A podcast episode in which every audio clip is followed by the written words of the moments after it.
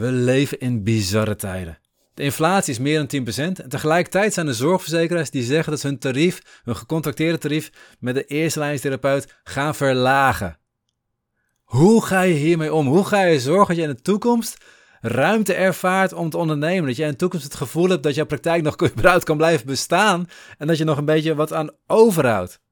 Dat leer je in deze podcast.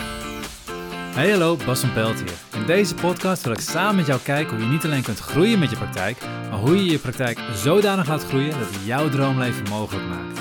Een praktijk met meer impact, meer omzet en meer vrijheid. Stel, door de inflatie wordt alles 10% duurder, maar je baas heeft besloten dat je minder gaat verdienen. Hoe zou je dan voelen? Zou je nog lang bij deze baas blijven? Natuurlijk niet. Dus waarom blijf je wel al je contracten tekenen? Omdat je afhankelijk bent. Omdat je zonder je contract geen cliënt hebt. Ik kan me voorstellen dat is wat je denkt. Maar voordat we ingaan op je hier op een andere manier naar kunt kijken, bedenk dit.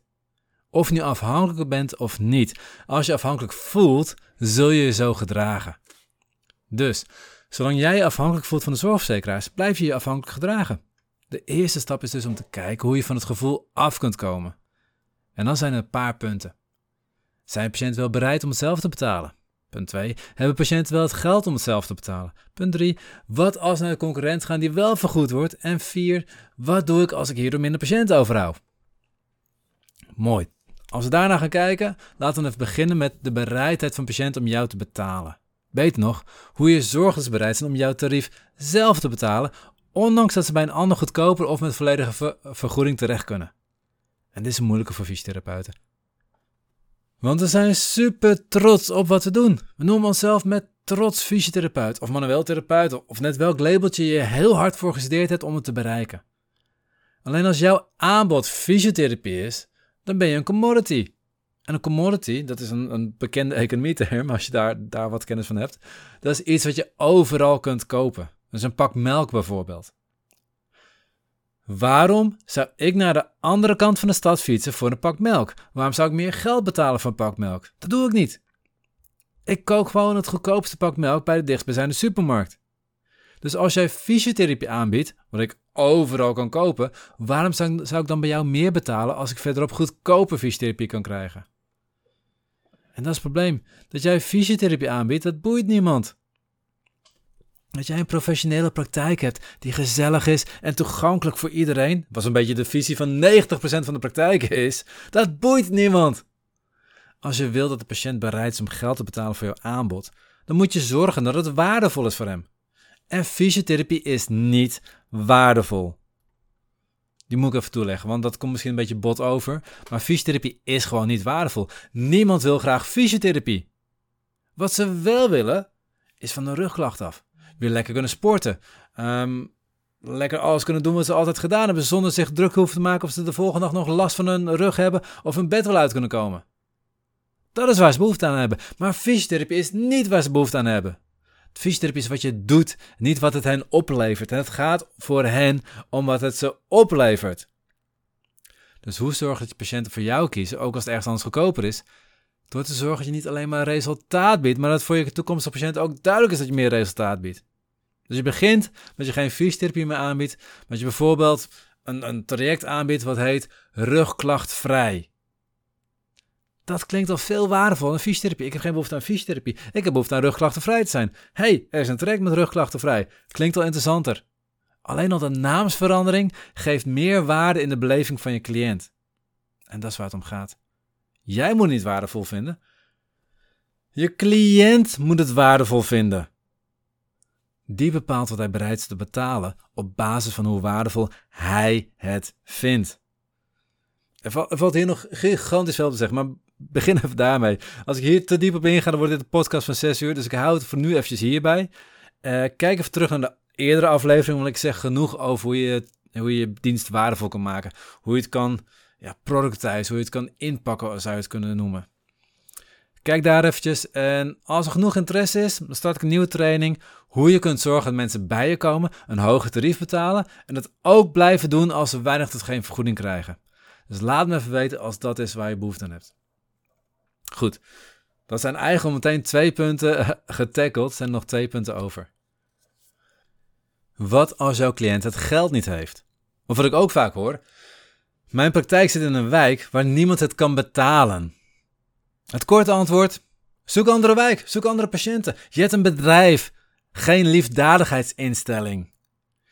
Prima als jij vindt dat de zorg voor iedereen toegankelijk moet zijn, maar ga dan niet zeuren over dat je te weinig geld ervoor krijgt. Zolang jij voor die cliënten kiest, kies jij ervoor vast te zitten aan de zorgverzekeraars. Het iets langere antwoord, in mijn ervaring, en dat is van mezelf en van meer dan 200 therapeuten waar ik mee gewerkt heb, zijn er maar heel weinig mensen die het geld echt niet hebben. Ik heb mensen gezien die het geld kregen van familie, die vakantiegeld erop zetten, die van een baas wat extra geld ervoor kregen, die in de schuldsanering zaten en dat de bewindvoerder toch nog ergens een potje ervoor vond. Het is bizar waar geld ineens vandaan kan komen als iemand het echt wil. Maar dan kom je weer op, ziet jouw cliënt jouw waarde? Ziet hij echt wat jij gaat opleveren en is hij bereid om het daar aan uit te geven? Bovendien, stel je voor, als, als die cliënt het geld niet heeft, kun je nog een ander stukje naar hem kijken. Stel je voor dat je voortaan 20% meer verdient per cliënt. Hoe zou het zijn als je dan een paar uur opzij zet elke week om mensen die het niet kunnen betalen gratis te helpen?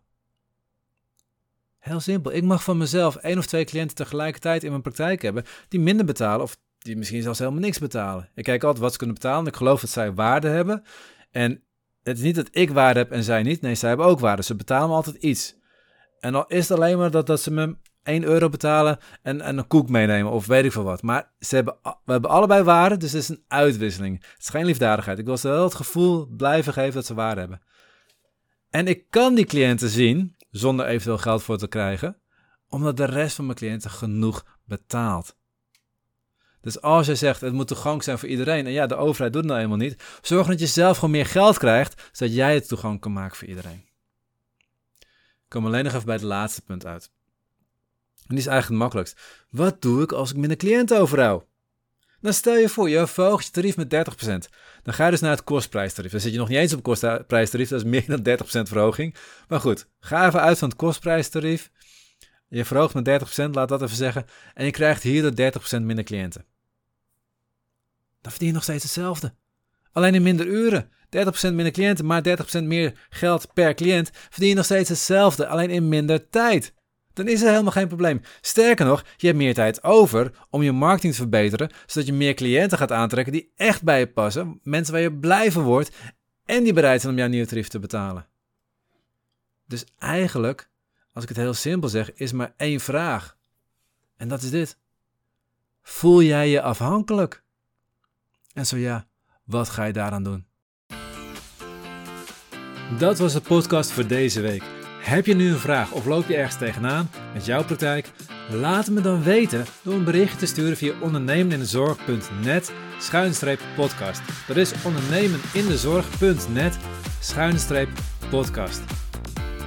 Vergeet je niet te abonneren op deze podcast in jouw favoriete podcast app. En wat ik ontzettend zou waarderen is als je de podcast wilt delen met andere ondernemers in je netwerk. Of als je een review wilt plaatsen. Op een Apple-telefoon kun je deze review gewoon in je podcast-app plaatsen. Op Android hebben de meeste apps helaas geen review mogelijkheid.